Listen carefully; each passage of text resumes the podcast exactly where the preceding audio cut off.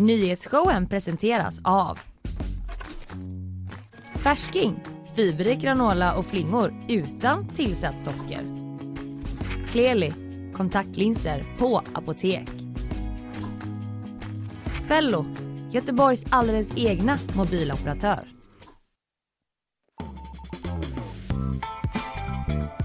Här är vi igen Fanny. God morgon! God morgon! Guten Morgen! Eh, The nyhetsshow eh, live from eh, the GP House. Eh, Yes. lite international eh, Very start. cool. Mm, jag blev sugen på det eh, idag. Du, eh, ja, du och jag är det. Det har vi redan etablerat. Det är du och jag. Behöver inte säga, hålla på och tjafsa om det va? Det vad det när Kalle är sjuk va? Nej, vi Och också på tisdagar. Vi har det Det så fint. Vi har det så bra. Ja. Du, eh, idag så kommer jag att prata lite om en eh, rubrik som jag möttes. Jag kommer inte prata om rubriken, men om nyheten. Men jag möttes av en rubrik från vår ekonomiredaktion igår som fick mig att eh, Må skit. Må sådär. eh, vi, ska, vi kommer gå in på det lite senare, men det handlar om läget just nu kan man säga. Eh, Så diffust. Ja. Så diffus nyhet. Läget. Ja, men så här. Jag kan läsa rubriken. Skräcksiffran. Nu är det lika illa som på 90-talet.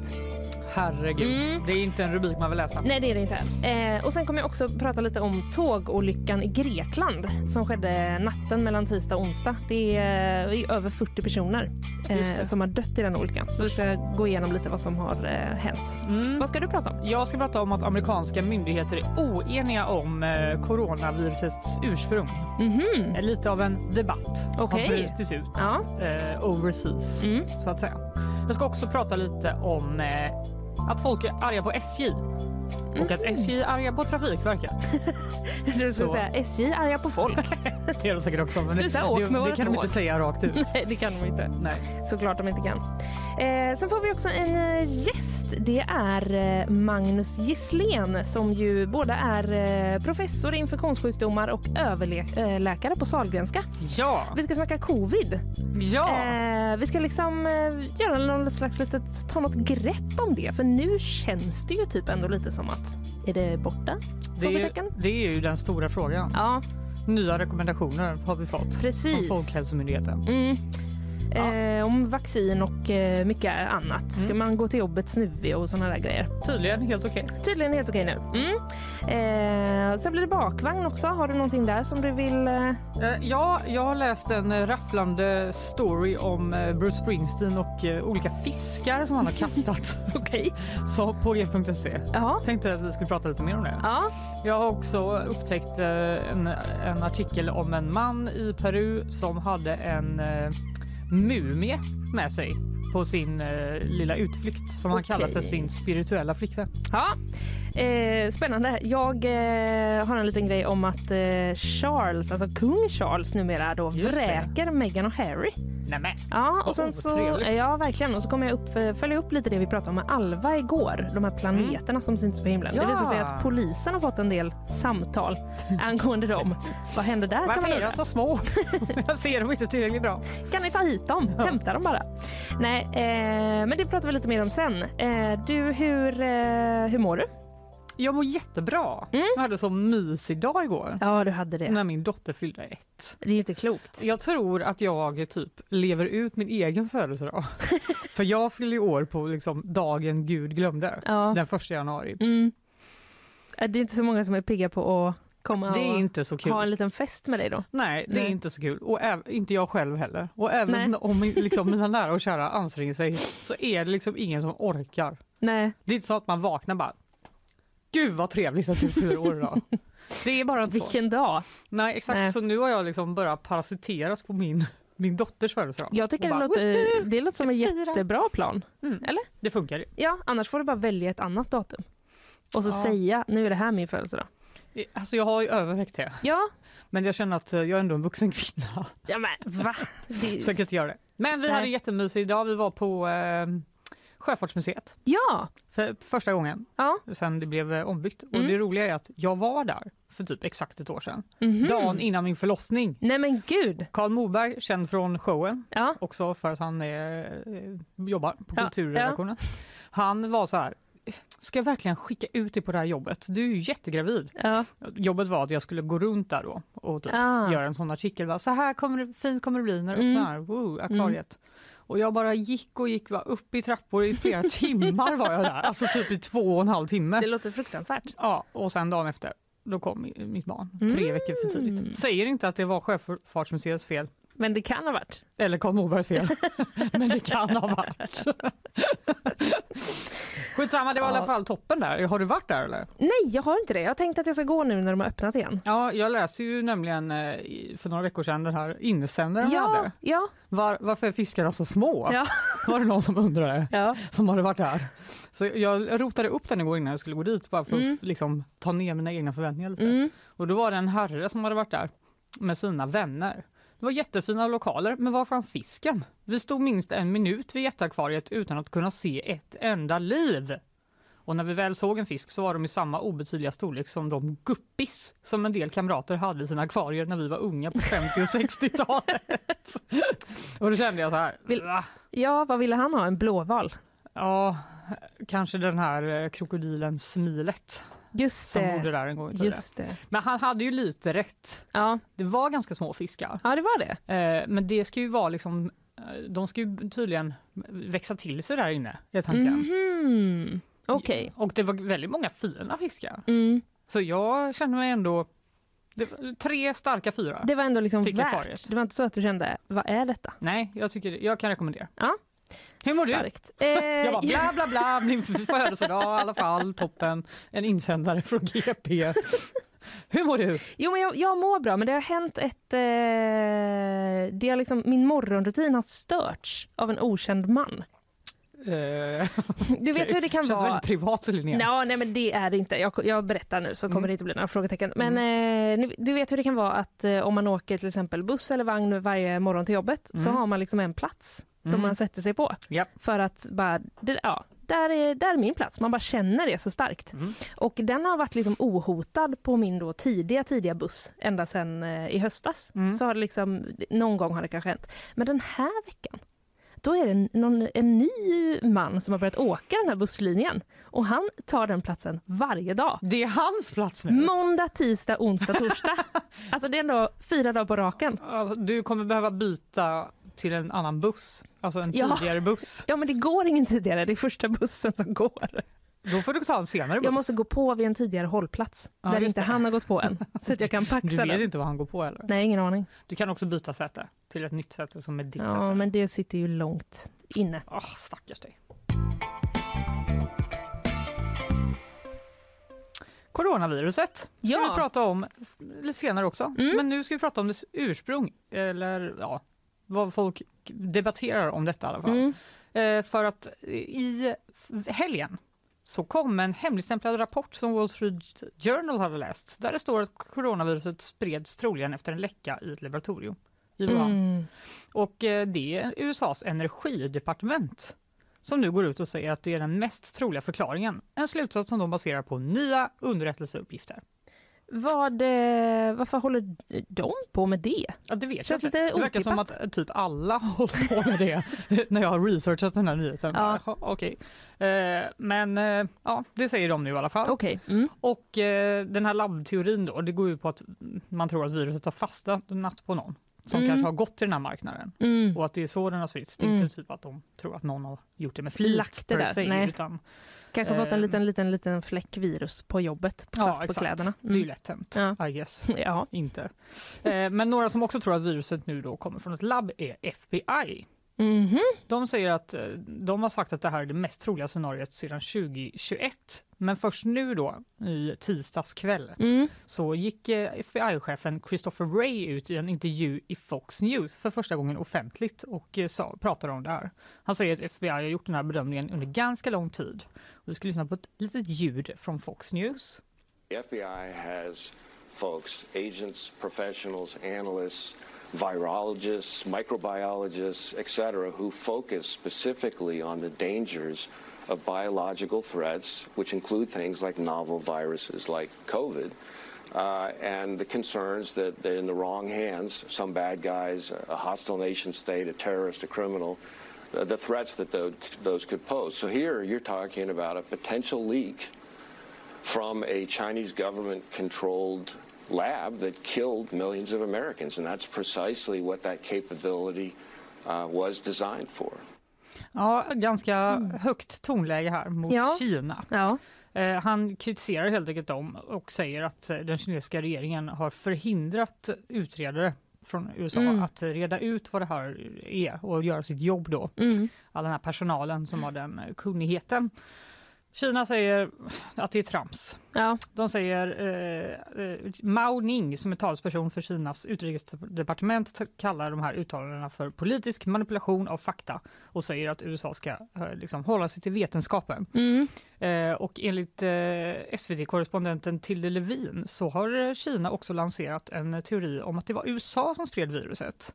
För 2019 så var det ett gäng amerikanska militärer som var i Wuhan. Mhm. Eh, de skulle vara med i de mil- militära världsspelen som är någon slags sportevent för militärer.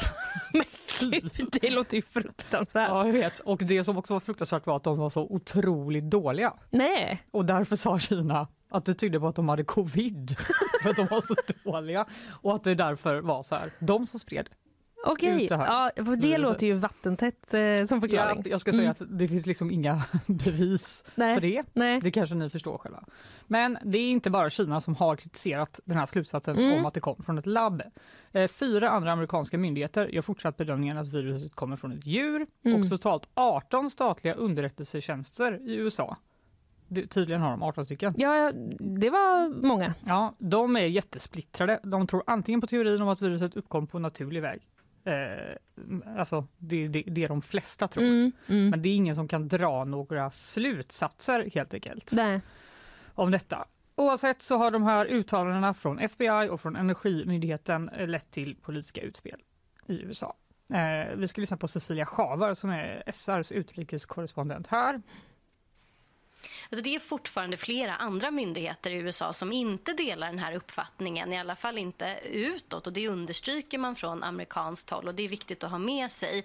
Bland republikaner och, och högerdebattörer här så har de här nya slutsatserna eh, lyfts fram som bevis för att det många av dem hävdade redan 2020 var rätt. Man använder det också i, i debatten som bevis för det man beskriver som censur av dem som vågat säga sanningen då högt från början. Det är så det låter från en del republikaner nu. Ja, Hmm. de säger att vi sa ju det, Ja. men ni sa att det inte var så. Mm. Censur. Mm.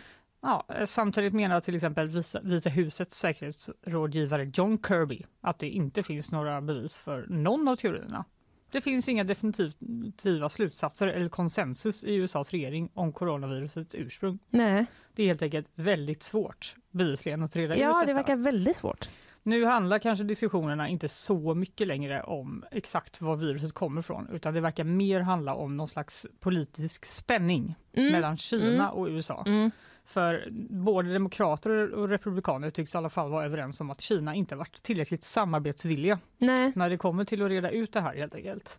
Och eh, i The Guardian så skriver nu Julian Borger som är en liksom, politisk kommentator där att eh, FBI-chefens uttalande kommer i en tid där relationen mellan Kina och USA redan är spänd och där det finns en ganska stor samsyn bland politikerna i USA om att det krävs ett tuffare förhållningssätt mot Peking. Mm. Och nu sitter helt enkelt Joe Biden i en lite knivigare sits. Ja, det gör han där ju. typ alla är så här. Du måste vara jättesträng mot Kina Ja. och klandra dem. Ja. Samtidigt, du får inte göra så att det blir någon farlig konfrontation med Kina för de är jättefarliga. Så Ah. stackars Joe, han kommer få det lite tufft nu Så mycket jobb att vara att president. vara president. Ja. Alltså verkligen. Jag kände det genast. Mm. Det är inget för mig. Nej, vad synd. Du var ju på god väg. Ja.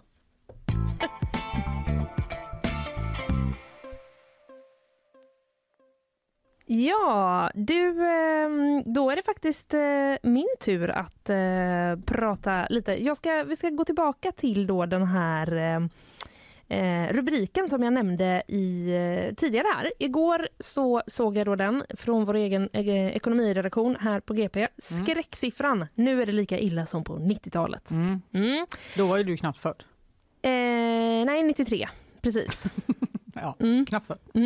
Och, men du var eh, vuxen och medveten. Jag hade min egen ekonomi. Nej, jag är fan född 89. Ja. Jag, jag bara vill eh, gärna att vi fortsätter med den här grejen som att vi säger att du är väldigt ung. Ja. Som även Ina höll på med. Jag fattar inte riktigt var den kommer Det var så skönt att det skulle finnas en ungdom på vår redaktion. Ja, okej. Det För jag du. tittar ju på Isabella Persson när det kommer till ungdomsfrågor. Ja. Men, eh, Hon gör, hon gör peace. Ja, hon gör pris. Men absolut, ja, eh, vi kör på det. Eh, du, så här säger då Arturo Arkes som är privatekonom på Swedbank. Det här är oroväckande.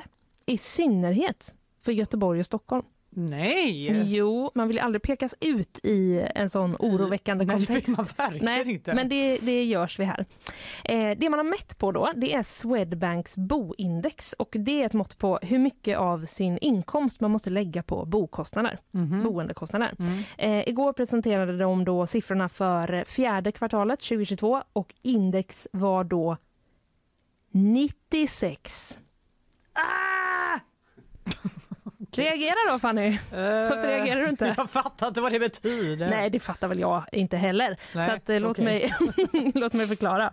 Så här, ett index på 96 det betyder då att eh, svenska hushåll lägger 31 procent av sin inkomst på boendekostnader. Mhm. Och sen ju, liksom, ju lägre indexet är desto eh, mer lägger man på boendekostnaderna. Så det, det jämförs så. Men, eh, men så är det i alla fall. 31 procent av eh, våra inkomster lägger vi nu på boendekostnader Ja. enligt eh, den här eh, beräkningen. Då. Och det är det lägsta indexet banken har uppmätt sedan de började med den här modellen 2005. Mhm. Så det är, alltså, eh, det är alltså lägre än finanskrisen. Mhm. Och när jag säger lägre nu så är det ju indexet jag pratar om. Ja, Så vi det. lägger mer, en större del av eh, vår inkomst på boendekostnader. Japp. Eh, som vi hörde från Swedbank så är ju det här eh, oroväckande då. Eh, Arturo Arkes han säger också så här, det är illa. Så här illa har det inte sett ut sedan vi började mäta. Göteborg är dessutom lite sämre ändå. Jaha. Mm. Jaha. Det är som vanligt utpekade som sämst. Ja, precis. Ja. Eh, kort sagt är det väldigt tufft på bostadsmarknaden. Hushållen får lägga väldigt mycket av sin disponibla inkomst på boendekostnader, säger han. Vi är nu då på eh, ungefär samma nivåer som 1995. Mm. Så det ser ju inte så ljust ut kan man väl säga. Men det finns det några tips då? Ja, det vill man ju ha. Och eh, hur ska man hantera detta egentligen? Ja. Ja, budget. Jaha, nej. Gör en budget Fanny. nej. Det är som att man alltid tänker i såna här tips att nu kommer det något som är så jätteenkelt, inte kostar mig något och eh, löser alla mina problem. Ja, exakt. Ja, Det men- var det jag hoppades på. Ja, men, jag såg det nästan på dig. Men eh, det är då att man ska börja med att göra en budget för att liksom eh, kolla det vad låter, man har. Det låter jättesmart faktiskt. Det låter jättesmart. Och sen kan man också gå över då på klassiken, se över sina utgifter. Mm. Mm. Transport till exempel är ofta en dyr grej. Man kanske bör- börjar cykla istället för Ja, att... det borde, jag har sparat faktiskt mycket pengar på det. Ja, Inte, jag bor ju så nära också. ja. Jag orkar faktiskt inte det. cykla. Nej, jag orkar inte Det är väl enklare än att gå? Ja, men nu tar jag ju vagnen. det är jättelätt. Ja, men det kostar ju minuter. pengar. Ja, det gör ju det. Ja, det gör det. Okej, ja, Eh, noterat. Noterat och eh, tipset alltså, gör en eh, budget.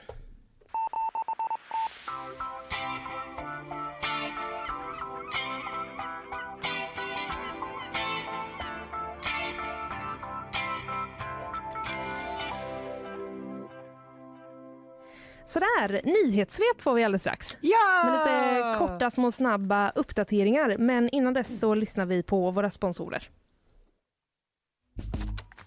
Nyhetsshowen presenteras av Färsking, fiberrik granola och flingor utan tillsatt socker. Kleli, kontaktlinser på apotek.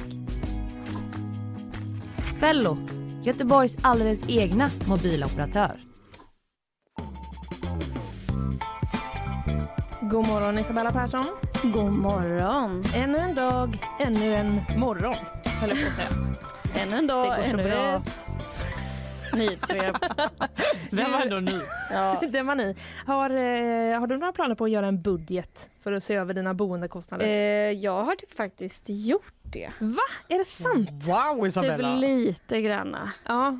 Men jag har faktiskt en lite glädjande nyhet. I allt det här ekonomideppet Mm. för bostads... Eh, alltså folk som äger sin bostad.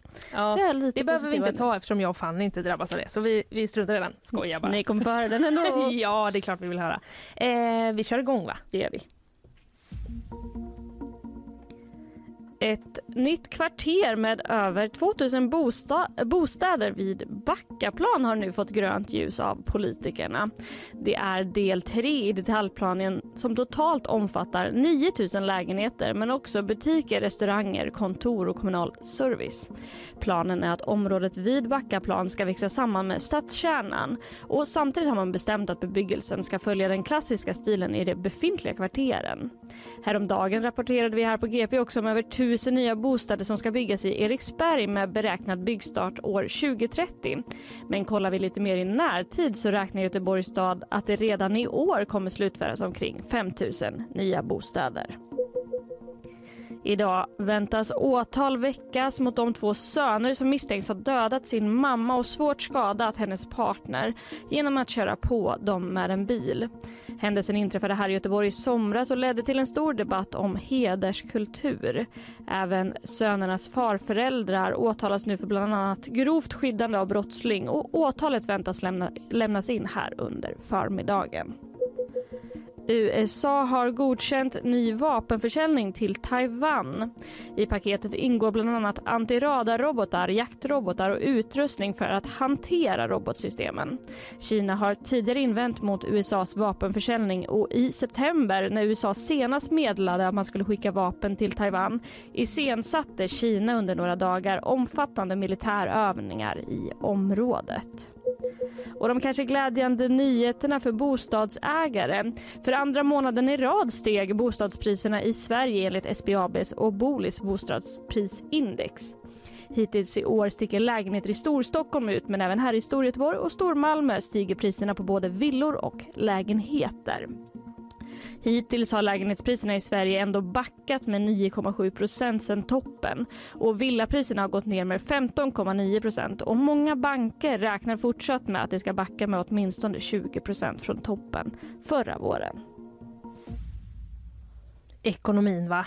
Ja. Man vet aldrig var man har den. Nej. Det går upp och det går ner hela tiden. Positiva, negativa? Eller hur? Ja. Nu känns det ju liksom nästan in- inaktuellt det jag sa. Men det är det ju inte. Nej. Nej. Det är fortfarande höga räntor. Och... Det är fortfarande höga räntor ja. Mm, men eh, liten eh, höjning på priserna helt enkelt. Ja, det Ja. går upp lite grann. Ser man Kul, på. kul. Du eh, Isabella, vi eh, hörs om en liten stund igen. Det gör vi.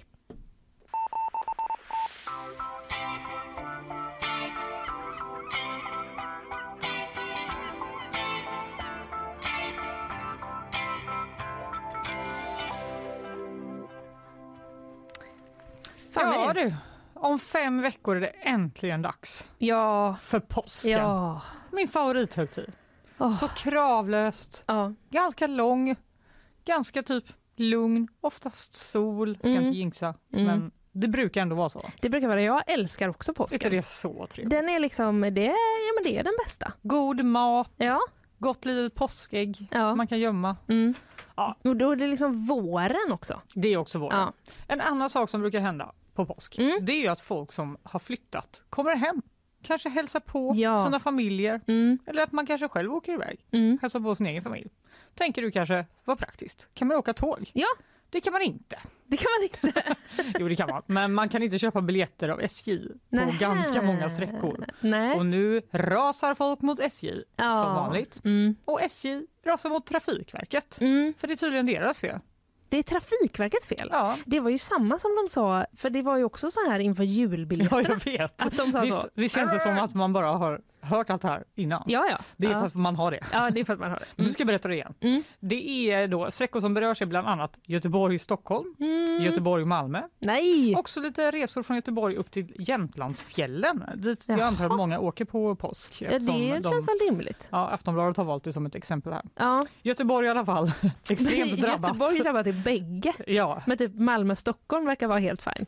Ja, det står i alla fall inte med Nej, här så jag antar det. Det är, det är väl för att, ja, jag ska komma till Mm. varför nu. Mm. Anledningen är helt enkelt att eh, de kan inte släppa sina biljetter för att planeringen för de olika banarbetena Mhm. inte har kommit in i tid. Mhm. Banarbeten ligger på Trafikverkets planering. Det är Mm. jättefrustrerande för oss och resenärerna och det här har hänt flera gånger förr. Det säger eh, SJs eh, presskommunikatör Martina Nord. Ja. Alla, precis som vi sa, det har hänt flera gånger förr. ja, det var ändå liksom, eh, det var, inte, det var lite uppfriskande med inte en omskrivning för något. Ja, hon bara, typ, vi beklagar. Nej, Utan det de var bara så här, inte. ja De- det här är skitjobbigt. De tycker det är skit. Ja. Eh, De ska egentligen få besked om eh, Trafikverkets planering senast 13 veckor innan. Mhm. Och vi är helt beroende av att den är klar i tid, säger eh, Martina Nord. Mm. Samtidigt så påverkas inte heller bara de här sträckorna som jag nämnde här utan det Nej. är också att eh, eh, den sena planeringen påverkar indirekt hela systemet eftersom många vill boka resor med olika anslutningar. Vi har full förståelse Ah. för att resenärerna är frustrerade för så här ska det inte vara. Nej. Eh, Bengt Olsson, han är presschef på Trafikverket. Ja, Mm. jag tänkte just, eh, har jag inte hört honom på typ så midsommarafton i olika intervjuer stå och säga säkert. Åk i god tid, Ja, var inte ta det stressad. lugnt på vägarna. Ja. Nu säger han att ja, det finns flera faktorer bakom att de har liksom, fuckat upp sin planering och den är Mm. så sen. Mm. Dels har det varit brist på tid. Brist på tid. Det, det är det vi brukar säga till vår producent på morgonen. Ja, det- det var brist på tid. Vi hann inte mer. Det här var det vi hann. vilken, Eh. vilken underbar förklaring. Jag vet. Nej, men brist på tid. Men det är också, på tal om att inte göra massa omskrivningar, det är Ja. också sant. Ja, det är det ju. De har väl inte hunnit. Han orkar inte hitta på något annat. Nej. Det var det. Ja, dels, dels så ska också ett nytt planeringssystem implementeras. Mhm. Och det vet man ju hur det brukar Vad vara kul. när man ska få nya system på jobbet. Ja, det vet man. Eh, och när de kan lämna över den här planeringen till SJ, det vet han inte exakt. Va? Vi lämnar över färdigplanerade sträckor varje vecka och förhoppningen är att vi inom någon vecka ska vara helt klara. Men jag har ingen exakt deadline Nej, okej, just men nu, om en vecka, vad är det då kvar? En månad bara? Ja, Typ? fyra, fyra veckor. Då kommer det vara sådär, kommer det sitta jättemycket folk och bara, Ja, precis. Men då är det så här Linnea, ja, att när planeringen väl kan lämnas över till SJ, då kommer biljetterna ändå inte att kunna släppas direkt. Nej.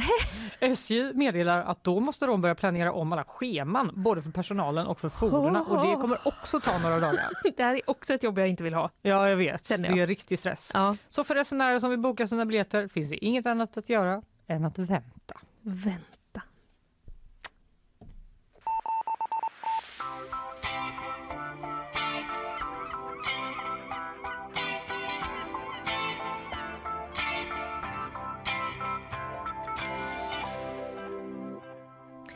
Då Fanny ska vi till eh, Grekland. Eh, Greklands transportminister har avgått och järnvägsarbetare varslar nu om strejk efter den allvarliga tågolyckan. Ja, Det var ju det då. Ja, det var ju då natten mellan tisdag och onsdag som ett tåg med ungefär 350 passagerare krockade med ett eh, godståg Mm. nära staden Larissa i Grekland. Över 40 personer har dött och många, många fler än så har skadats i detta. En passagerare säger till Reuters att det hördes en hög smäll vid krocken och att tåget sen började brinna. Eh, det var panik, kablar överallt och eld, säger den personen. Mm, det låter Alltså, fruktansvärt. bilderna är ju verkligen så fruktansvärda också. Ja, På, man ser ju att det har inte, ja, helt enkelt gått till så. Ja, precis. Det, det är ju väldigt liksom våldsamt Ja, ut det gör Eh, på bilderna. Och DN rapporterar också att vissa passagerare ska ha använt sina väskor för att slå sönder fönster för att kunna liksom Mhm. fly ut ur tåget. Ja.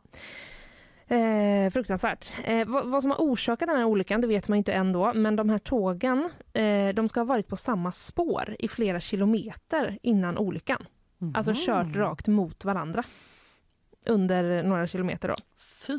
Ja, och eh, flera personer har då gripits efter olyckan. En av dem är då en eh, 59-årig stins Mm. i Larissa, men det, vi, det är lite oklart exakt vad den personen eh, anklagas för än så Mm. länge. Okej. Eh, och transportministern Kostas Karaman, Karamanlis eh, besökte olycksplatsen igår tillsammans med Greklands premiärminister. Mm. Och efter det besöket då så meddelade han att han avgår. Och i ett uttalande så sa han att han anser att det är hans plikt att träda tillbaka av eh, då citat respekt för minnet av de människor som så orättvist miste livet. Slutcitat. Mm. Mm. Ja.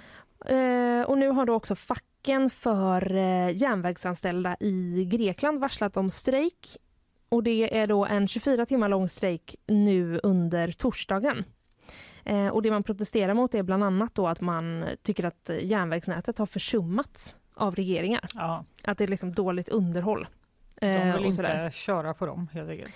Nej, eh, så här skriver, då de, skriver de eh, fackförbundet POS i ett uttalande. Tyvärr hamnar våra långvariga krav på personalanställning, bättre utbildning och framförallt användning av moderna säkerhetssystem alltid i papperskorgen. Mhm. Så där finns det väl mycket frustration och av de som dog i olyckan så är det också, var det också åtta som var järnvägsarbetare. Mhm. Bland annat, bland, bland annat då två lokförare på varje tåg liksom Okej. eh, som omkom. Och som jag nämnde tidigare då så är orsaken till eh, den här olyckan inte klar, men Greklands premiärminister Kyriakos Mitsotakis har lovat att eh, olycksorsaken ska bli då fullständigt utredd och han eh, sa också så här, allt pekar på, den sorgligt, på att den sorgligt nog orsakades mestadels av den mänskliga faktorn. Ja, Ja. så kan det ju vara.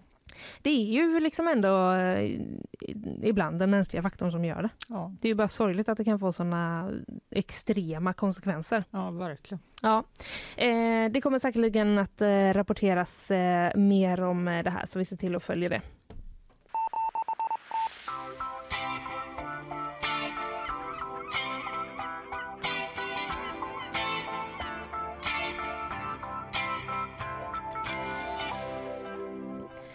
Mm, då ska vi snart få in våran gäst Ja. i studion. Men eh, innan dess eh, så tar vi och lyssnar lite på våra sponsorer. Nyhetsshowen presenteras av Färsking, fiberrik granola och flingor utan tillsatt socker. Kleli, kontaktlinser på apotek. Fello, Göteborgs alldeles egna mobiloperatör. Ja, Magnus Gisslén kommer alldeles strax eh, in. Det enda vi behöver göra är att öppna dörren för honom och säga välkommen kanske. Ska vi göra det då? Eh, jag tycker vi gör det. Ja, vi gör det. Vi är tillbaka strax. Sådär, nu är det tre år sedan spridningen av eh, covid-19 tog fart på allvar och en helt ny pandemi drabbade världen. Det känns ju ganska långt borta nu. Igår kom till exempel nya rekommendationer från Folkhälsomyndigheten om att eh, vi unga, friska personer inte ens behöver vaccinera oss längre. Och vi pratade också i programmet igår om att Hongkong, som ju haft extrema restriktioner nu då efter tre år släpper kravet på munskydd. Eh, och det känns liksom kanske lite som att de eh, sista resterna av pandemin vittrar bort eh, nu. Vi ska kolla det med vår gäst om det verkligen stämmer. Ja, det är nog bäst. Eh, för med oss nu så har vi Magnus Gisslén, professor och eh, överläkare i infektionssjukdomar. Välkommen Magnus! Tack så mycket. Du, eh, vi ska komma in på eh, alltihopa snart, men eh, jag tänkte vi skulle börja med att lyssna på ett eh, lyssna på hur det lät i mars 2020. Det första dödsfallet i coronasmittan har inträffat i Sverige. We have therefore made the assessment that COVID 19 can be characterized as a pandemic. Regeringen förbjuder sammankomster med fler än 50 personer. Den som bryter mot regeln riskerar fängelse. Vi har en allmän smittspridning i Sverige. Liv, hälsa och jobb är hotade. Fler kommer att bli sjuka. Fler kommer att tvingas säga ett sista farväl till en älskad. Vad, vad känner du när du hör de här ljuden? Nej, det är lite speciellt faktiskt. Man får nästan man får ry- rysningar. Det har ju varit väldigt speciella år de här tre åren som det faktiskt är nu. Mm. Konstigt att det är så lång tid som har gått faktiskt. Ja. Ja, jag kände att det, jag liksom åkte tillbaka lite i tiden när jag hörde det också. Ja. Fick lite så, uh. Men eh, när hörde du talas om covid-19 för första gången? Ja, det gjorde jag ganska tidigt. Vi, på något sätt som infektionsläkare så hänger man ju med i det som händer och när man fick första rapporten om att nu är det ett nytt virus i Kina och det, och exakt när det var kommer jag inte ihåg. Eh, Men det, det händer ju då och då att man hör de nyheterna och det var väl samma sak nu att man tänkte okej nu är det något men det kanske inte blir så mycket med det. Mm. Men sen blev det ju ganska snart ändå tydligt att det här är något annat än, än tidigare liksom små virusutbrott utan det här kommer bli större och särskilt då när det blev fall utanför Kina Mm. så blev det uppenbart. Mm, för vad det, vad, kan det vara så liksom att man hör om ett, ett nytt virus till exempel i Kina och så, och så blir det inte så stort? Det händer liksom oftare än Ja, det händer ganska ofta vi andra faktiskt. märker det. Absolut, och Ja. det kan ju vara till till exempel att en, en fågelinfluensa som har spridit sig och som Mm. får några enstaka fall och så blir det inte mer eller det kan även vara andra virus. Så att det är inte så sällan det är så faktiskt. Nej. Nej, för i början så var ju rapporteringen ganska försiktig. Det var liksom låg risk för samhällsspridning i Sverige och det talades om ganska milda symptom. När insåg du att det skulle bli en stor grej, att det inte var någon liksom vanlig förkylning vi pratade om? Ja, när, jag tyck, när det blev spridning och det var det första som kom egentligen var ju Italien. Mm. Och jag har ju eh, kollegor som jag pratade med där också. När man förstod situationen hur den var där så blev det ju eh, Ja, det var det helt uppenbart. Mm. För där var det ju verkligen så att det brakade loss snabbt på en gång och då var det verkligen inte någon mild infektion utan det var ju många som blev jättesjuka och dog. Mm. Och när man hörde det då förstod man att det här kommer inte stanna i Italien utan det kommer ju sprida sig i resten av världen och till Sverige också. Mm. Just det. det var det här med alpresorna, Ja, alpresenärerna. Det minns ja jag precis. Skidsemestergrejen. Eh, och det var någon bar med visselpipor minns jag som hamnade i eh, Alltså, blåsväder höll jag på att säga. Linnea. Eh, ja. ja, absolut. Ehm, men i början där så då var det också, det var mycket prat om flockimmunitet. Ja, Och att det kanske skulle liksom, eh, ja, men bromsa i smittan här i Sverige in, alltså innan vi fick vaccinet. Alltså varför, eh, varför trodde man det- ja, egentligen är det ju så att det är ju det som har hänt nu. Vi har ju Ja. en flockimmunitet nu och det är därför vi inte har någon större spridning. Mm. Så i slutändan är det ju så eh, och det är klart att hade vi inte fått ett vaccin, vilket ju inte var självklart, så hade det ju tagit en tid och så hade det blivit, till slut blivit flockimmunitet. Mm. Så det är ju helt korrekt, det är ju på det sättet som en pandemi försvinner. Det går inte att stoppa egentligen på något annat sätt. Man kan, man kan bromsa det. Mm. Och som tur var nu den här bromsningen nu så fick vi ett vaccin som gjorde att inte så många blev svårt sjuka ändå, som det hade kunnat bli annars. Mm. Så att eh, det, det är liksom på det sättet ändå som infektioner håller sig i schack. Det är ju när man har en immunitet i befolkningen. Ja. Men varför tog det, eh, alltså varför gick det inte så fort som man trodde från början då att det skulle komma innan vaccinet, flockimmuniteten? Eh, Ja, det fanns, väl- jag vet inte hur många som trodde det egentligen utan det fanns för mycket spekulationer på olika sätt där och, det, och, många beräkningar och många som senare visade sig vara helt felaktiga också. Mm.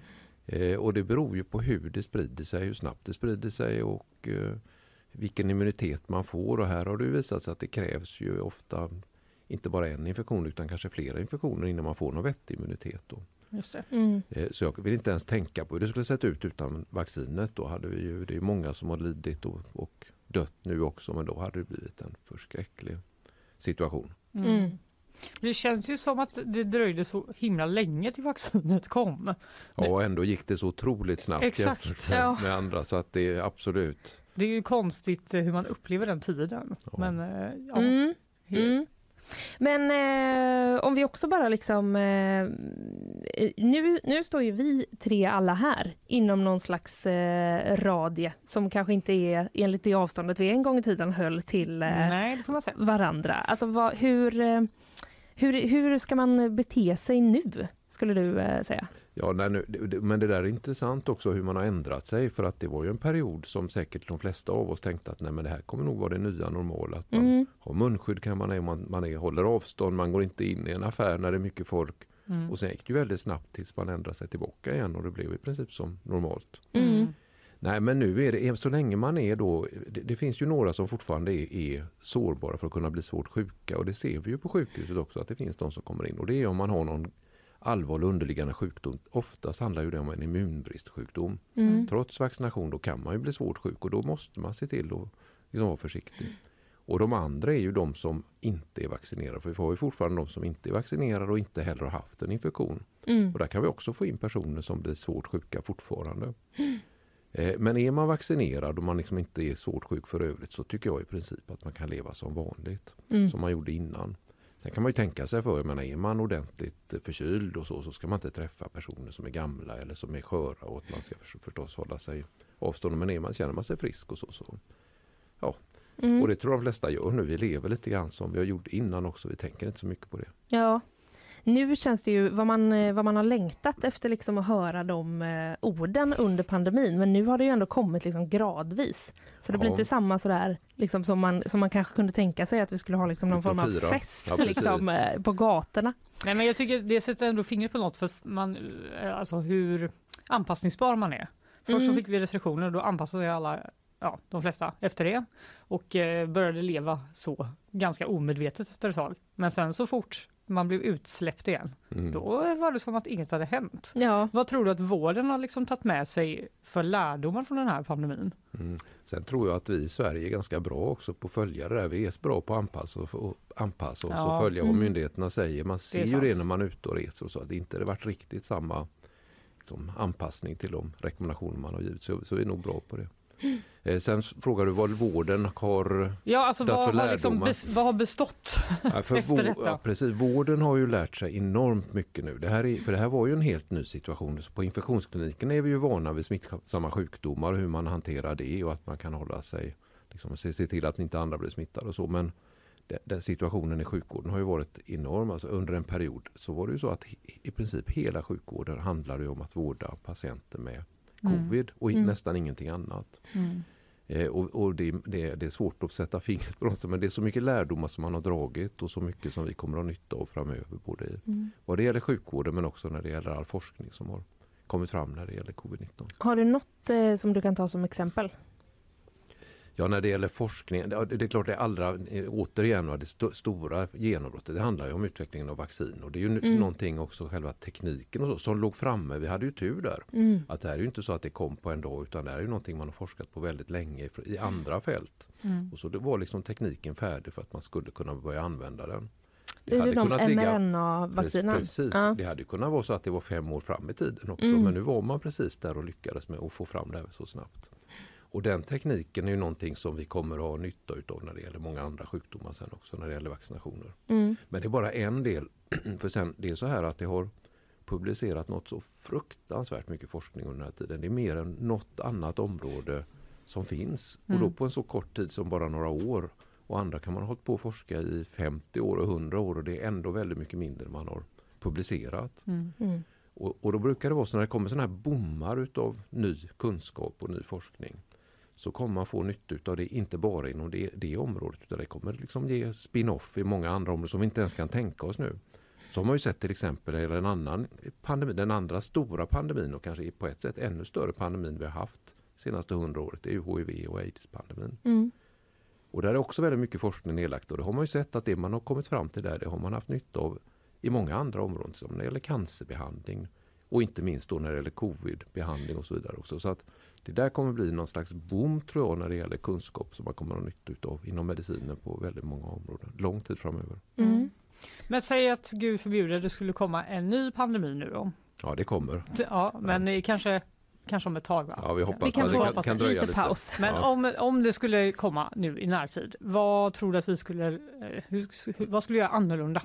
Ja, det där är en jättesvår fråga att svara på. Men det är klart Ja. att man har ju det, det som om man nu såg vad som inte gick så bra under det här liksom svaret på pandemin så handlar ju mycket om eh, att skydda de som är sårbara och det handlar mycket om de äldre och smittan på äldreboenden och, och hur det såg ut där. Mm. Och där hoppas ju jag om man lär sig det och det handlar ju till stor del handlar det också om arbetssituation för de som arbetar, att man har vettiga arbetsförhållanden, att man tjänsterna är så att man har heltider och att man liksom har tillräckliga löner så man kan vara hemma om man är det är liksom det är väldigt många sådana faktorer. Bra grundförutsättningar. Liksom. Grundförutsättningar måste finnas Mm. där och, att och där, det har du inte riktigt gjort. Och kunskapen, den medicinska kunskapen inom äldrevården till exempel, att man vet hur man ska hantera smittsamma sjukdomar och kunna isolera personer som är sjuka. Mm. Så där hoppas jag att det blir en förändring till nästa pandemi. Men det, det, det är en förhoppning som jag inte vet om den kommer att stämma inte. Men Mm. sen är det klart det är mycket annat också som, som eh, man kommer kanske göra lite grann annorlunda. Men, men det man ska komma ihåg är att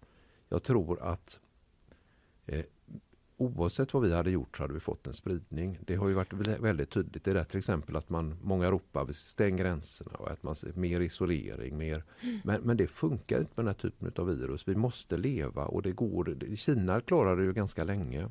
Mm. Men till slut så funkar det inte ens där. Va? Det, det går liksom inte att få, stoppa helt och hållet spridningen av den här typen av virus. Mm. Och då får man anpassa sig på bästa sätt och skydda de som är allra, som har allra störst risk att bli svårt sjuka.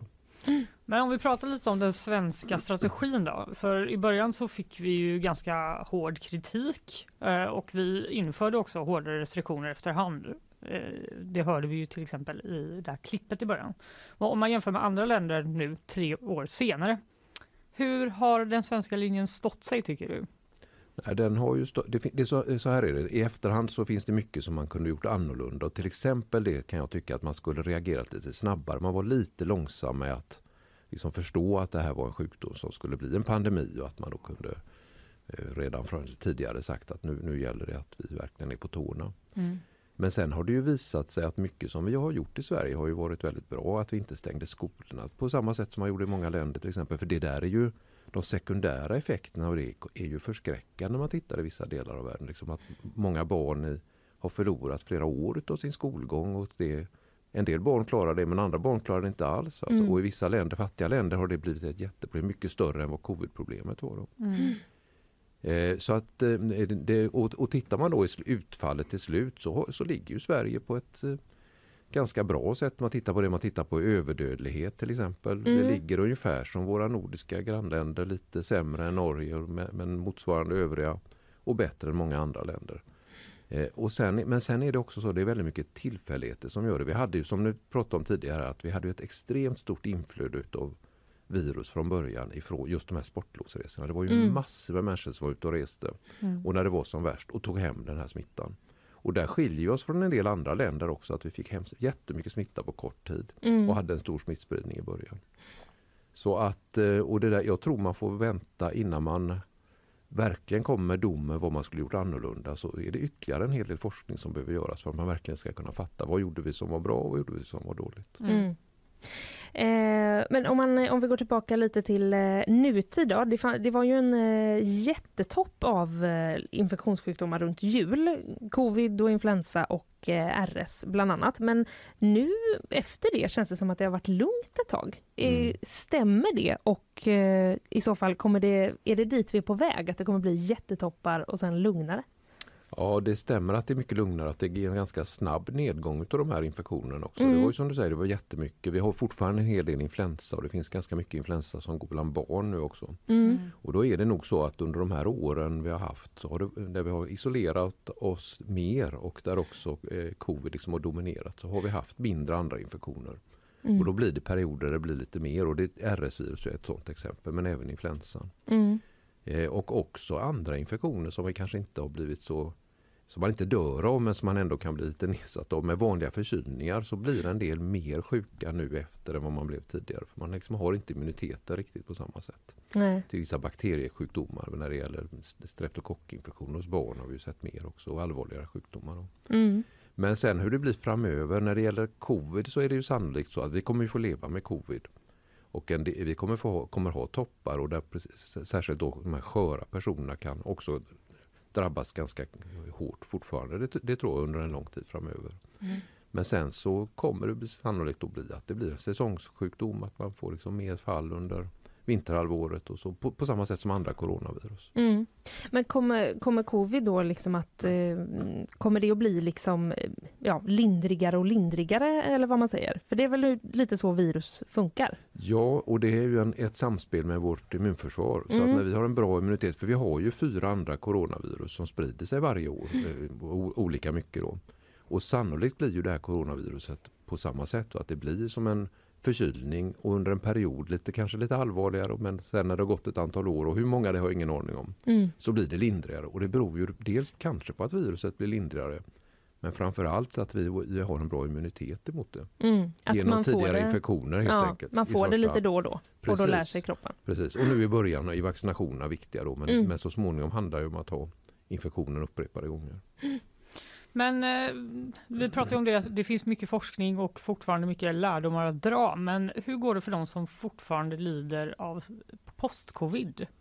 Ja, post-covid är ju en svår diagnos eh, och det finns ju, eh, det finns ju de som lider väldigt mycket av det och särskilt då de som har varit svårt sjuka, de som har legat på intensivvård eller legat på sjukhus mm. och där man fått organskador som sen då har gett eh, problem på olika sätt.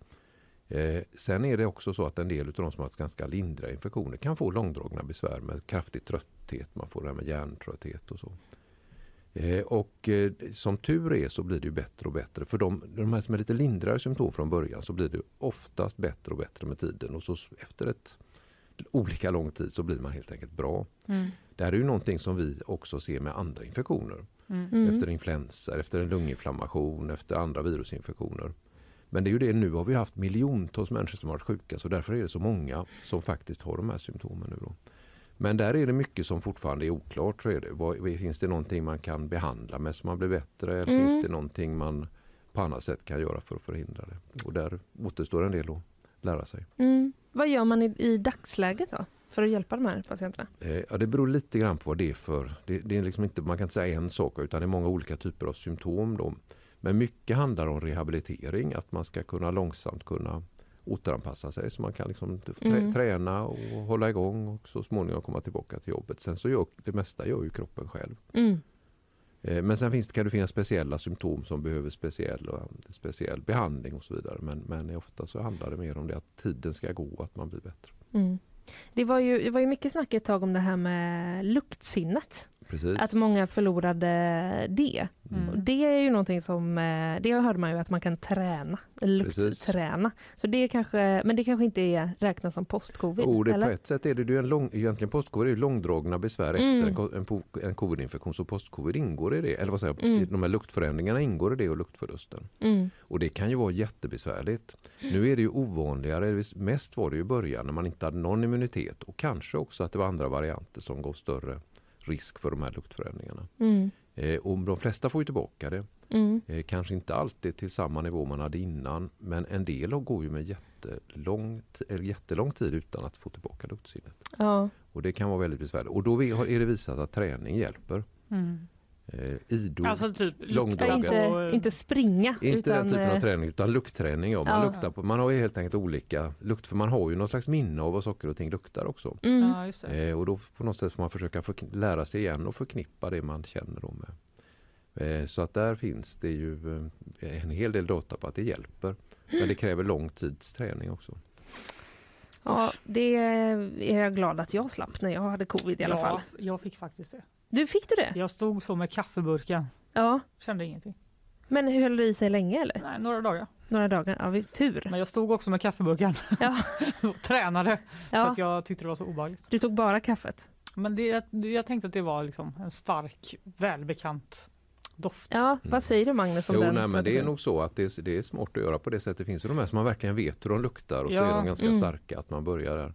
Som jag vill ha. Min, Som man som, jag vill vill starta ha. min dag med. Ja, Men de som har haft väldigt jobbigt är ju de som egentligen får inte bara lukt för, utan de får, känner andra lukter. Det kan ju vara så att man känner Just soplukt det. när man luktar på kaffe till Just exempel eller det. någonting annat. Och det Ja. måste ju vara, Fy vad fruktansvärt. vi har fått lära oss hur viktigt luktsinnet är på något sätt. Det Ja, har man inte ja, ja. riktigt tänkt på innan. nej. Verkligen. Och nej, vad smärtsamt om man ska ta en god kopp kaffe och så bara är det förknippat med något obehagligt. Mm. Usch, ja, eh, vi, ska, vi börjar närma oss att runda av men eh, alltså, innan du går, kan vi liksom lämna covid bakom oss nu eller hur ska vi tänka? Nej, vi kan inte lämna det helt och hållet. Pandemin eh, är ju inte riktigt över, va? även om Mm. vi lever annorlunda. Och, eh, vi måste fortfarande vara vaksamma på vad som händer, för det vet vi ju inte riktigt ännu. Det här är ju en helt ny situation. Va? Vi, Det är Mm. klart det är första gången vi är med i realtid med en coronaviruspandemi i Mm. modern tid. Och, eh, det skulle kunna hända saker och ting. Jag tror inte det. Jag tror allting kommer att bli så att säga, gå, gå åt rätt håll. Mm. Eh, och att vi delvis kan lämna det. Mm. Eh, och så får vi vara vaksamma på nästa pandemi som kommer. Och den kommer nog, eh, det kommer inte dröja hundra år. Utan det kommer gå mycket fortare. För det, det är ju det, vi blir fler i världen och vi tränger ut djur från deras naturliga habitat. Vi Mm. liksom umgås mer på, på det sättet med det vilda, vilda djurlivet. Vilket gör att vi har stora förutsättningar för nya pandemier. Mm. Finns det någon sån prognos som är så här, inom, vi tror att inom x år så får vi en stor pandemi igen? Det blir ju gissningar det där. Men, men det, det, för så är det, ju fler man är i världen och ju större städerna är och så, desto större blir riskerna. Mm. Eh, och just det med djurhållning och sånt är också viktigt med stora djurfabriker och man har närhet till vilda djur och det, det, det ökar riskerna. Mm. Så att många säger jag kanske tio år men jag vet inte, det, kan, det, det där blir ju rena spekulationer. Mm. Vi får hoppas vi har lärt oss något i alla fall Ja. när det, nästa pandemi kommer. Precis, och så får vi väl eh, fånga dagen fram tills dess. Ja. och passa på. eh. Magnus, eh, tusen tack för att du eh, kom hit. Tack så mycket, trevligt att vara här. Tack.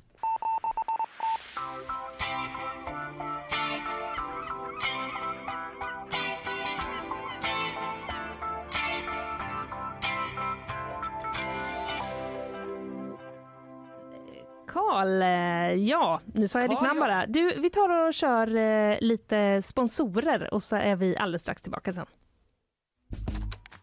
Nyhetsshowen presenteras av Färsking, fiberrik granola och flingor utan tillsatt socker. Kleli, kontaktlinser på apotek.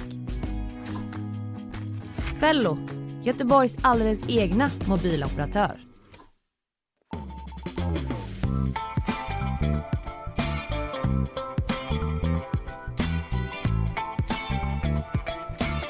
Ja, Fanny.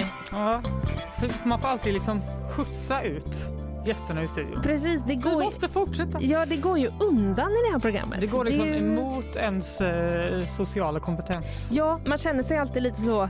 Eh, ja. Och så vill man på kort tid hinna säga eh, tack för att de Exakt. kom och att det var jätteintressant att höra på vill man säga. Ja. Det var det. Det, Det var, var det faktiskt. Ja, det var det. Eh, sånt vill man eh, höra, men så är det ju i vårt program att vi liksom eh, kan ju inte ta en lång paus. Nej, vad ska ni göra då? Ja. Ni som lyssnar. Så eh, har vi inte riktigt tänkt. Och någon annan som inte kan ta en paus, eh, det är ju Isabella Persson som ständigt är eh, här och uppdaterar oss. Paus har man inte tid med va? Nej. Jag ska vara uppe på stolen så någon ser mig här Ja. bakom det stora bordet också. Ja, det får du göra. Eh, Så. Så. Så. Välkommen tillbaka. Tack så mycket. Du, eh, vi kör lite nyheter på en gång. Det gör vi. Ett nytt kvarter med över 2000 bostäder vid Backaplan har nu fått grönt ljus av politikerna. Det är del 3 i detaljplanen som totalt omfattar 9000 lägenheter men också butiker, restauranger, kontor och kommunal service. Planen är att området vid Backaplan ska växa samman med stadskärnan och samtidigt har man nu bestämt att bebyggelsen ska följa den klassiska stilen i de befintliga kvarteren. Polisen i hela landet har inlett en ny insats för att få stopp på kriminalitet kopplat till gängen. Detta rapporterar DN. Utgångspunkten för Operation Frigg, som den kallas, är främst kopplad till konflikterna i Stockholm och deras kopplingar i övriga landet och världen. Enligt källor till DN ska varje region få ansvar för specifika kluster av nätverk och få fullt mandat att använda underrättelse, insatser, span och utredning om man anser det rimligt. Och det ska också innebära att polisen får större möjlighet att samarbeta internationellt via till exempel Europol. För andra månaden i rad steg bostadspriserna i Sverige enligt SBAB och Bolis bostadsprisindex. Hittills i år sticker lägenheter i Storstockholm ut men även här i Storgöteborg och Stormalmö stiger priserna på både villor och lägenheter. Hittills har lägenhetspriserna i Sverige ändå backat med 9,7 sen toppen och villapriserna har gått ned 15,9 och många banker räknar fortsatt med att det ska backa med åtminstone 20 från förra våren. När Göteborg firar 400 år så kommer en festival att arrangeras. Det meddelades här nu under morgonen. Det kommer vara en gratisfestival som kommer arrangeras på Frihamnspiren och redan nu är artister som Sara Klang, Jens Lekman, Epadunkarna Hooja och norska Sigrid klara. Men fler artister kommer offentliggöras inom kort. Och festivalen kommer genomföras i år mellan den femte, nej mellan den 2 och 5 juni. Nämen, Wow! en festival. Känns som vi firar 400 år varje år. Ja, det är väl typ Men vi kör tredje året sommar nu. till. det är väl inget att klaga på? Nej, men okej. Firande ska man aldrig Vad, de har redan skippa. eh, bokat massa Ja, grejer? Okej. precis. Men Frihamnspiran sa du, är Mm. det typ där vid Bananpiran eller? I närheten där? Det är Eh, samma sak. det är samma det är samma sak. Ja, förlåt. Gammalt Nej, Du behöver uttryck. inte be om ursäkt för Nej, det. nej, nej. det är jättenära oss här. Ja. Det är jättenära Vi oss. ser ju nästan dit Mm. Okej, men vad många liksom, eh, personer de hade bokat redan Ja. innan det blev officiellt eller? Albin Lee Meldau ska också komma. Många Mm. Göteborgsartister Ja. artister låter det som. Ja. Han ska ta emot Lasse Dahlqvist sällskapets stipendium där. Mhm. Och sen kommer Göteborgs, Göteborgs symfoniker att inleda hela grejen. Men, Och sen ska det wow. vara något samarbete med Way Out West också. Jaha. Så här står det, en av de fyra dagarna kureras av festivalen Way Out West som ska sätta sin speciella prägel på firandet. Så det får vi se vad det blir också. Mm, vem Jaha. bjuder de in då? Eller, ja. S- eh, vad spännande. Men hur ska hela Göteborg få plats eh, på Bananpiren undrar jag? Det kanske är en fråga för någon annan. 70 000 kvadrat eller vad är det? Ja, 70 000 kvadrat. Det är får, ganska stort. ju, får ju plats med Nej, en det halv miljon invånare. Ja, precis. där. Om man får en kvadrat var så får vi ju absolut inte plats. Nej. Nej. Men alla, alla kanske inte vill gå. Vi Nej, får, alla kanske Det inte är flera vill gå. dagar, vi kan sprida ut det. Det är sant. Det är man behöver dagar. inte gå alla dagar. Nej. Eller så får man hänga på låset om man är särskilt intresserad. Det där får ni bestämma själva hur ni gör. Eh, Isabella, tack för den här morgonen. Tack själva. Handlar om integritet och cred för fan alltså. Det finns vissa regler och restriktioner här va. Det är inte mer med det. Det är inte mer med det. Nej, Men du, vi ska fortsätta i musikens tecken. ja vi ska det. Kommer För, det det här nu eh, med en fisk? Ja, alltså jag läste, det var en, en ride att läsa den här texten av Johan Ja. Lindqvist som handlar om eh, Bruce Springsteen eh, som kastar fisk i Seattle. Rubriken är Springsteen redo för Göteborg, kastade fisk i Seattle. Det, är det, Det är två liksom meningar som inte hör ihop Nej, överhuvudtaget. precis. Du kan inte sätta två rubriker efter varandra på olika artiklar bara. Men det visade sig att man kunde det. Okej. Och det funkade för jag läste hela artikeln Ja. och skrattade gott. Ja, Eh, och det som hänt är ju att Bruce han kom ju hit va? Mm. The Boss. det var ett tag sedan sist va? Ja det kändes som det. Ja. Men eh, jag, jag kommer inte ihåg ens när det var. Nej, det kanske var bara för att det har varit pandemi som det Ja, känns just länge det. också. Ja. Han brukar ju vara här, spela Ullevi, Mm. åka till eh, ute i skärgården, äta Mm. fisk.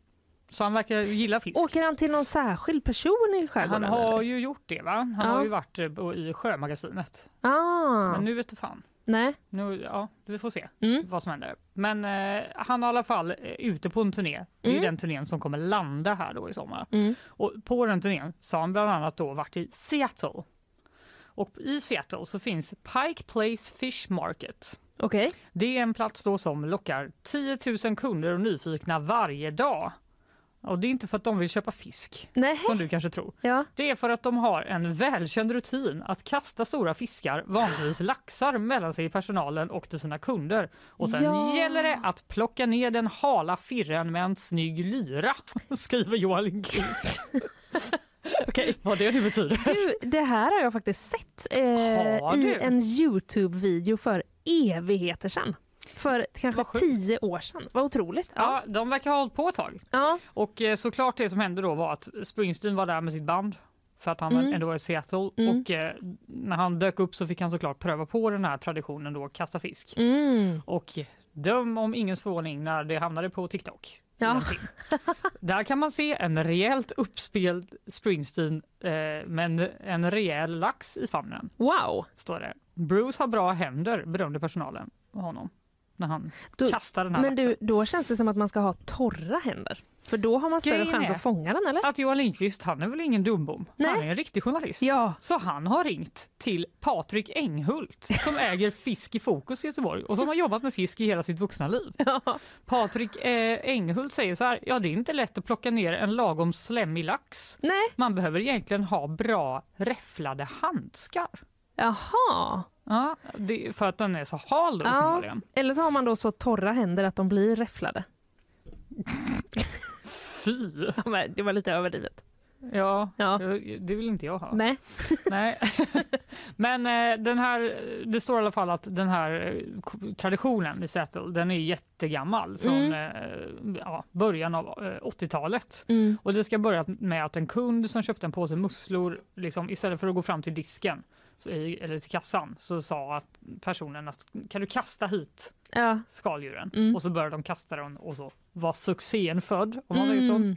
Eh, och eh, efter en mer restriktiv period under pandemin Oj! ja. Ja. så hystas det ungefär 200 fiskar om dagen på den här Det är ju marknaden. jättemånga fiskar. Hur Ja. många hamnar på golvet? Ja, det framgår inte. Men eh, Patrik Englund då, han säger Ja. att han har sett det på film och det verkar jättekul. Väldigt amerikanskt. Men här i Göteborg så har vi ett annat sätt att jobba med fisken. Vi hanterar inte hela fiskar så ofta. Nej. Utan när fisken når kunden så är den redan filead och Ja. eh, upplagd. Man vill inte liksom ha en eh, torskfilé som kommer och liksom smätter den i facet. Och man...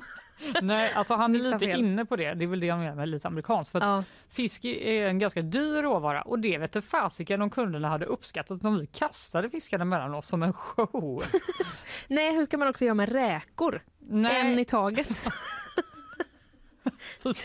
Bara, det står någon längst bort vid kassan så ska personalen bara ta en och en räka. Jättejobbigt om Timmar man, senare. Ja, jättejobbigt om man ska ha så många på kräftskivan. Är det ett halvt kilo nu? Ja. Nej, nej, det får komma med några Vänta, till. kasta tillbaka och så får du väga och så b- b- börja om igen. Eller Ja, typ exakt. skagenröra.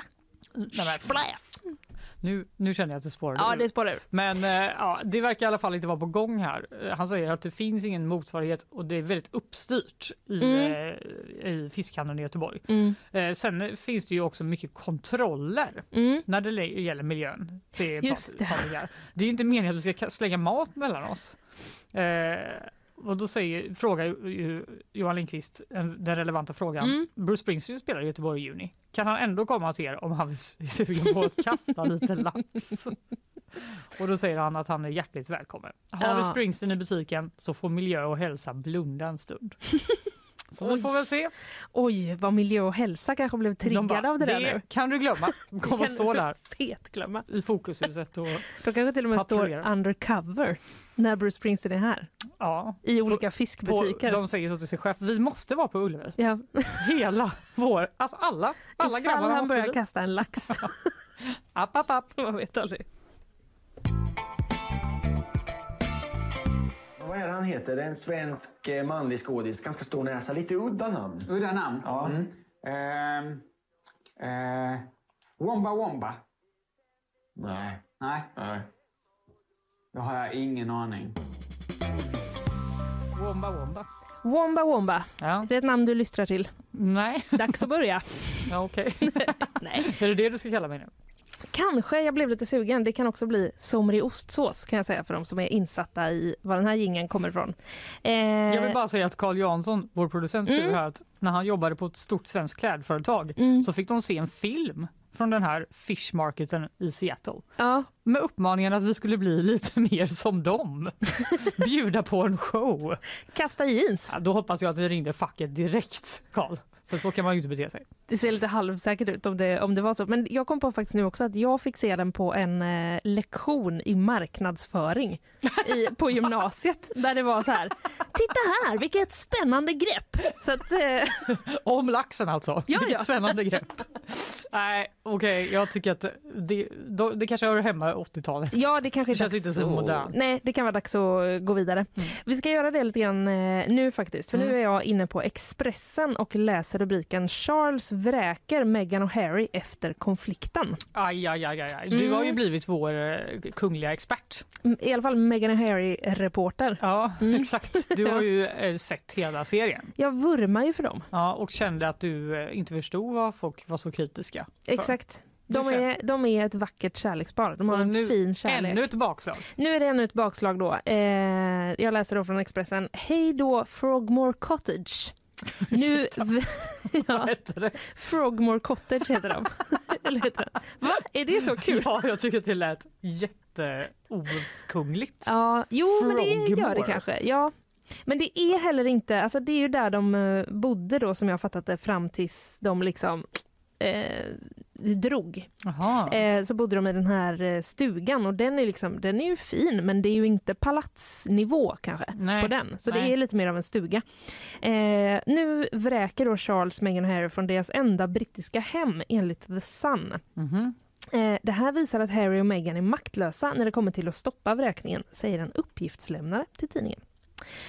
Golare. Mm, och de här uppgifterna ska då ha bekräftats eh, eh, enligt flera brittiska medier under, eh, efter detta. Ja, så är det helt enkelt. Kung Charles bara, jo så här var det, bara dagar efter att den här boken eh, släpptes, The Spare. The Spare. Mm. Det var ju dokumentären och sen var det den boken. Och så, Ja, det var så ja. mycket tag. Det var mycket. Mm. Men eh, bara dagar efter att eh, den boken släpp, eh, släpptes så ska då eh, kung Charles numera, alltså prins Harrys pappa, Mm. eh, då ska han ha bestämt sig för att vräka sin son och Meghan från eh, Frogmore Cottage då, som var deras enda hem. Och istället så, ska det, så har han nu erbjudit det till prins Andrew. Mm, fem sovrum är det här, är det här eh, huset. Eh, ja, de har helt enkelt blivit ombedda att lämna bostaden. Och eh, enligt The Sun så är de nu i full gång då med att frakta över sina ägodelar över Atlanten till sitt hem i LA. Okej. Ja. Det känns ändå inte som det går någon nöd på dem. va?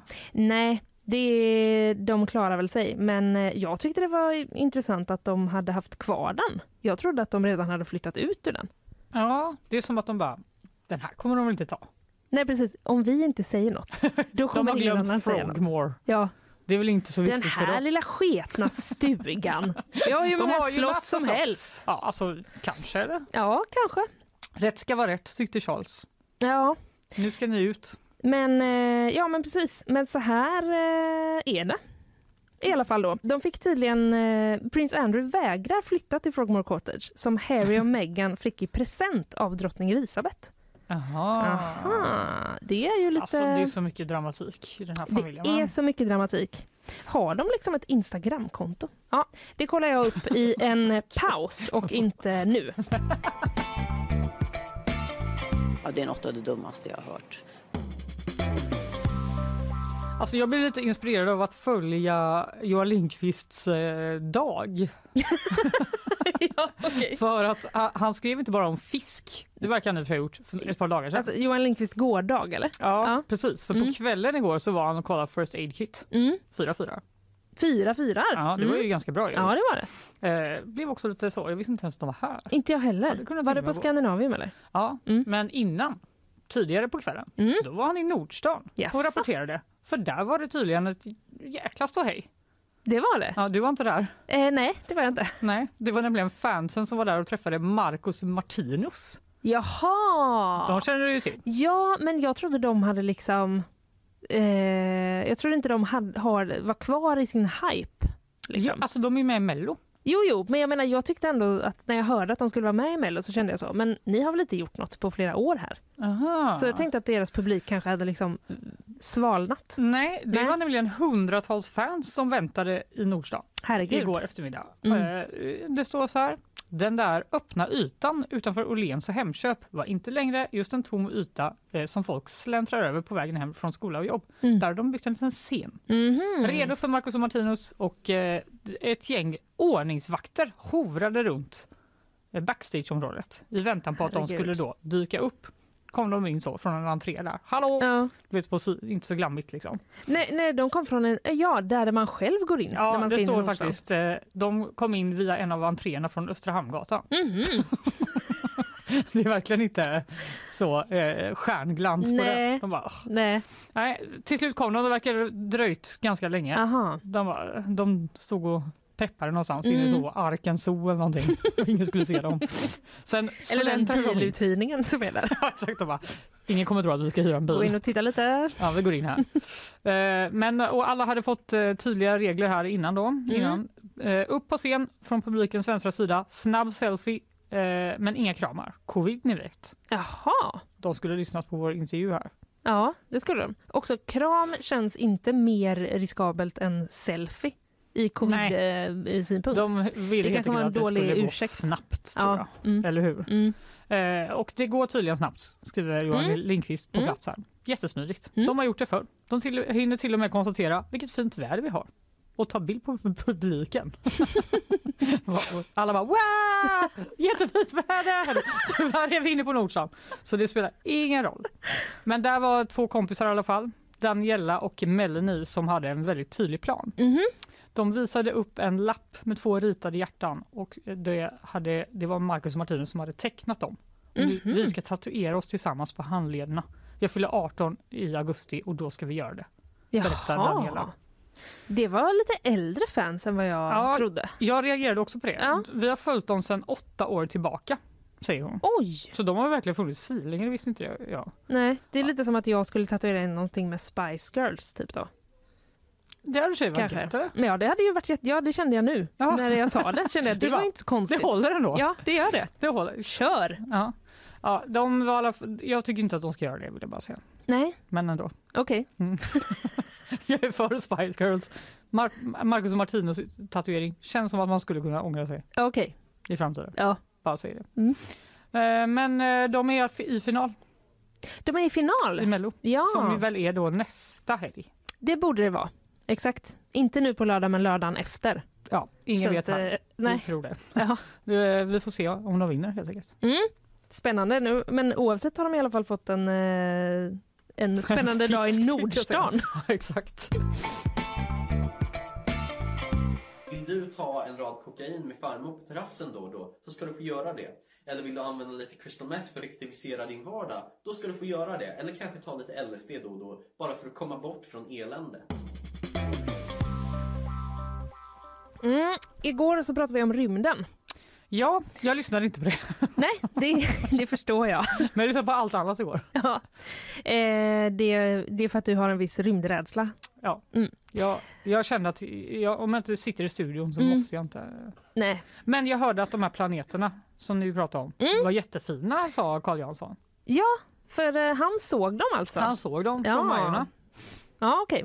Eh, så här var det i alla fall att det var ju, jo men det var ju då Venus och Jupiter Mm. som vi pratade med Alva om igår som nu är liksom väldigt nära varann på himlen. Och från vårat håll så kommer det se ut lite som att de krockar. Men Mm. de kommer inte krocka Mm. för de är långt eh, ifrån varann på liksom andra ledden. Mm. Eh, så det är bara en synvilla. Mm. Men det har ju då varit ett väldigt, eh, ja men det har varit liksom eh, spana efter detta. Efter norrskenet så var det så. Nu kan man också titta på de här planeterna som man ser väldigt tydligt. Och det är Mm. inte så ofta ändå man ser planeter. Men det som eh, hände då, det var ju att eh, natten till idag så var det liksom bäst chans, typ nu är de närmast varandra. Mm. Eh, och det gjorde att eh, väldigt många ringde polisen. Okej. Mm. De bara, Eh, det här är så fint, är det verkligen lagligt? Ja, precis. Det kan inte stämma. Ska jag verkligen få se det här? Det känns, eh, det känns inte rätt. Kan jag få böter eller något? Mm, eh, nej men det var då... Eh, ja, det, man får ju ändå säga att det är ett ovanligt ljusfenomen. Mm, Och absolut. om man inte har koll så kan man ju kanske börja tänka, vad är det här för spionballong? Eller vad är det här för da da da da da da da? Eh, Jan Lidén, han är eh, befäl på, i polisregion Nord. Han säger till SVT, några har trott att det rörde sig om drönare som stod stilla i luften. Mhm. Eh, och där har de då fått, eh, nu är jag ju då på, ja precis, eh, på SVT är jag. Och eh, där hade de då fått eh, till Jan Lidéns kontor ett Mm. 30-tal samtal från oroliga inringare. Och eh, till slut var de tvungna då att gå ut med ett meddelande på sin hemsida. Va? För, att- ja, för att liksom lugna invånarna, för att de inte skulle fortsätta ringa. Men gud, det är ju ganska många samtal. Ja, det är det. Det var många som inte lyssnade på showen igår. Ja, verkligen. 30 personer i polisregion Nord som inte lyssnade på showen. Shame on you guys. Vad är det som händer? Jag lyssnade inte ens själv förut. Fanny. Ja, absolut. Ja. Eh, men du, det var även andra eh, personer i andra regioner som inte lyssnade på oss. För, Vilket hemskt gräv det här. Ja. Polisen i Örebro, de har också rapporterat att de tog emot flera samtal under onsdagskvällen om citat mystiska flygfarkoster. Okej. Mm. Och de kunde då konstatera att det var Venus och Jupiter eh, som befann sig då i konjunktion, vilket SVT skriver är den korrekta termen på fenomenet när två himlakroppar ser ut att befinna sig nära varandra då de linjerar i siktriktningen. Det är det som händer då. De är inte så himla nära egentligen. Men man kan ju ändå förstå att folk tror det Mm. eftersom det har varit så många ballonger i omlopp här. Ja, Som precis. skjutits ner på olika ställen. Ja, och jag hörde någon polis i, eh, i Ekot i morse som sa att eh, det är ju ändå bra att man ringer. Ja, det är det ju. När man liksom tänker det här är nog inte helt rätt. Det här är någon som spionerar på oss. Ja, precis. Då vill de att man ringer. Och eh, polisen skrev då också på sin hemsida att eh, man kommer inte vidta några ytterligare utredningsåtgärder avseende himlaaktiviteten. Nej, okej. Så planeterna verkar vara, det verkar inte vara ett misstänkt eh, brott som de har begått. Skönt. Alltså, du vet, ni vet, jag blandar språk. Det kommer komma in lite française ibland. Det kommer komma in lite espanjol. Jag har gjort så här nu i 15 år, 20 år så att ni, det är bara att gilla läget. Men i vilket fall som helst. Ehm, vad var frågan? Eh, nu ska vi åka till Peru För där har polisen nämligen ertappat tre män med att dricka öl på en utsiktsplats. Och det får man Aj, inte aj, göra. aj, aj. Nyheter hela vägen till Sverige. Det låter som en toppenkväll. Ja, jag vet. Men det får man trevligt. inte göra. Men grejen var att en av de här männen hade med sig en väska för matleveranser. Mhm. Och i den så låg en hundratals år gammal mumie. Eh, Var inte det lite sjukt? jo, och så blir jag genast orolig. Typ, har jag någon gång ätit mat som har legat i en Exakt. väska med en mumie? Det står faktiskt så här. Den mumifierade kroppen låg i fosterställning nedtryckt i väskan av liknande modell som företag som Foodora använder för att köra ut sin mat i Sverige. Men vad, vad, det var en hel mumie? Ja, då säger den här mannen så här. Jag kallar den, alltså mumien, för Ja. Juanita. Den sover i mitt rum med mig, säger mannen till lokala medier. Och kallar också den mumifierade kroppen för sin spirituella flickvän. Ja, okej. Sök hjälp. Ja, ja. Det här kan inte vara bra för någon. Nej, det känns inte alls bra. Nej. Vad- man undrar ju också var han hittat den. Ja, eh, hans matleverantören då, han säger att den här mumien tillhör hans familj i över 30 år. Men han kan inte specificera hur den hamnar i familjens ägo. Planen var att skänka kroppen till ett museum för många år sedan men det rann ut i sanden. Uppenbarligen för att han blev ihop med den här för att han blev kär. Exakt. Dock menar experter att kroppen tillhör en man i 45-årsåldern som levde för mellan 600 och 800 år sedan. Jaha. Så han är liksom inte misstänkt för att ha mördat någon Nej. i nej, nutid nej, utan nej, han har bara haft en mumie hemma. Ja. Nu tog dock eh, polisen mumien i beslag och eh, lämnade över den till Perus kulturministerium. Mm. Och mannen greps eh, och utreds för brott mot landets kulturarv. Ja, det kan man ju förstå. Men hur... Eh... Ja, herregud. Jag undrar också över hans kompisar. Ja, visste bara, de? Har du med dig Juanita nu igen? Ja. Alltså jag har ju sagt att jag inte tycker det är så trevligt om vi ska dricka bärs. Att du tar med dig henne Jag kan liksom överallt. inte slappna av för det är som att hon aldrig säger, alltså hon pratar aldrig med mig. Det är som att hon dömer mig. Också att hon fick liksom inte riktigt vara med utan hon låg i fosterställning i den här Ja, väskan. det är väl ändå en varningssignal. Ja, eller han var det ju.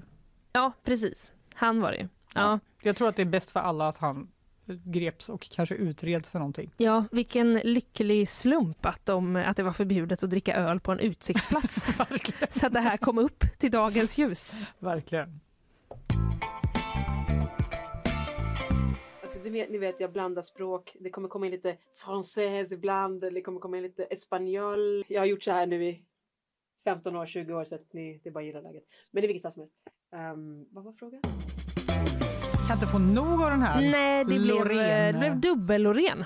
Ja. så kan det gå. Så kan det gå när man säger tokiga saker. Ja, det kan det göra. Du, en sista grej ska vi eh, hinna med här. Det handlar om eh, Lale som har en eh, lite speciell gäst. Hon ska ju spela i sommar på Ullevi. Just det, igen. Igen. Spelar hon även i somras? Ja. Aha. Eller var det i somras? Ja, det var det. Ja, det var det. Ja. Eh, jo, men så här är det då att eh, hon kommer att gästas av Per Andersson. Komikern? Komikern Per Jaha. Andersson. Ja. Okej. Visst är det lite otippat eller? Ja, verkligen otippat måste jag säga. Ja. Jag kan inte se riktigt. Vad Du kan inte se det framför dig? Han kanske är en lite sång och dansman dock. Ja, sång och dansman är han ju absolut. Han, var, han spelade ju också, eh, var ju förband åt Håkan Hellström hon tillsammans med bara- Damorkestern. Det funkade ju bra för honom. Ja, men det kan mycket väl vara så. Mm. De har också lagt upp en eh, reel eh, där liksom eh, Lale ser ut som hon brukar. Per Andersson har så skinnjacka och någon blond långhårig peruk. Och så liksom är det filmat i slow-mo. Det låter ju helt Ja. fruktansvärt. Varför då? Det, det är fokus inför turnén ses i sommar, skriver, skriver de i captionen. Ja. Men eh, så är Men det i alla fall. peruk? Det, det vet jag inte. Alltså, jag vet inte, det är som att han försöker, han kanske vill ha det på showen. Men det kanske är något med, är det något med damorkestern som Ja, de nämns inte här egentligen, men eh, Lale säger så här då i ett eh, pressmeddelande. Jag har bjudit in mina drömgäster och människor som har hjälpt mig eller varit med mig på denna resa och hoppas på en festlig kväll full av överraskningar, skratt, tårar och musik. Alltså Lalle är ändå en av Sveriges största artister. Det är kul att hennes drömgäst är Per Andersson. ja, det det Om jag får välja vem jag vill, då Ja. tar jag Per Andersson. Han är så rolig. Ja, det är också spännande. Ja, men det, är liksom, det, det är bara någonting, det är inget emot någon av dem. Nej. Men det känns som en, en märklig kombination. Ja, verkligen. Men jag blir typ lite intresserad dock av vad de ska göra. Ja, Eh, tror du Eller att de ska hur? göra en sketch? det, det finns väl en viss risk Eller hur? för att det är det de ska göra. Ja, herregud. Vi får helt enkelt dyka upp. Ja, Vilken, Vi ja. får göra det och eh, Per Andersson borde ju eh, då, skriver eh, vår eh, kära kollega Anna Rosenström, att han borde ju då vara van eh, med tanke på hans eh, förbandsinsats inför Håkan Hellström förra året. Ja, han är inte nervös. Nej. Nästa år kanske det är han som spelar och så är det Lale som är förband. Kan man tänka sig något sånt eh, tokigt? Nej, Linnea. Det kan man faktiskt Nej. inte tänka sig. Det var väl tur att det fanns en eh, äkta kulturreporter som jag kunde fråga eh, när jag är ute och spekulerar. Du, eh, klockan börjar ticka. Ja. Eh, idag eh, så pratade jag lite om skräcksiffran. Det är lika illa som på 90-talet. En liten ekonomisiffra om, som handlar om hur mycket av vår inkomst som vi lägger på boendekostnader. Ja. Det kan man eh, lyssna på om man vill eh, höra det. Man får också ett eh, tips om att göra en budget. Tack! Det, varsågod. Isabella Persson hade ju gjort en budget faktiskt redan. Så Ja, det var, tycker jag var imponerande. Ja. Eh, och sen så pratade jag också lite om eh, den dödliga tågkraschen i Grekland. Mm. Över 40 personer har dött. Eh, transportministern har avgått och eh, nu går även järnvägsarbetarna ut i strejk. Just det. Och jag har pratat om eh, att eh, det inte går att boka biljetter på SJ om man vill åka Mm. tåg i, till och från Göteborg i påsk. Mm. Eh, och att ingen vet när det kommer att gå. Toppen. Och att det är Trafikverkets fel. Ja. Och jag har också pratat lite om politisk fight om coronaviruset i USA. Just det. Vart är kommer det det Kinas fel? Är det inte Kinas fel? Mm. Detta tvistar de om. Ja, exakt. Sen hade vi också Magnus Gisslén här, både professor och överläkare är han. Mm. Och eh, vi pratade om de här tre covid-åren som har varit samt ställde frågan kan vi säga att det är slut nu? Frågetecken. Eh, Fick svaret nja. Nej, ja precis. Fick nja-svaret. Nja. Mm. Eh, men det eh, finns, eh, men det är ju ändå föränd- en förbättring i läget. Det får man Absolut. säga. Ja, han eh, hintar ju också där om att eh, frågan är alltså inte om det kommer en till pandemi utan när. Japp. Japp. Så var det med den Så saken. var det med den saken. Och sen var vi i eh, bakvagnen och eh, där är vi ju nu. Du, eh, ska vi säga tack och hej Fanny? Hej då! Vi hörs imorgon. Hej då!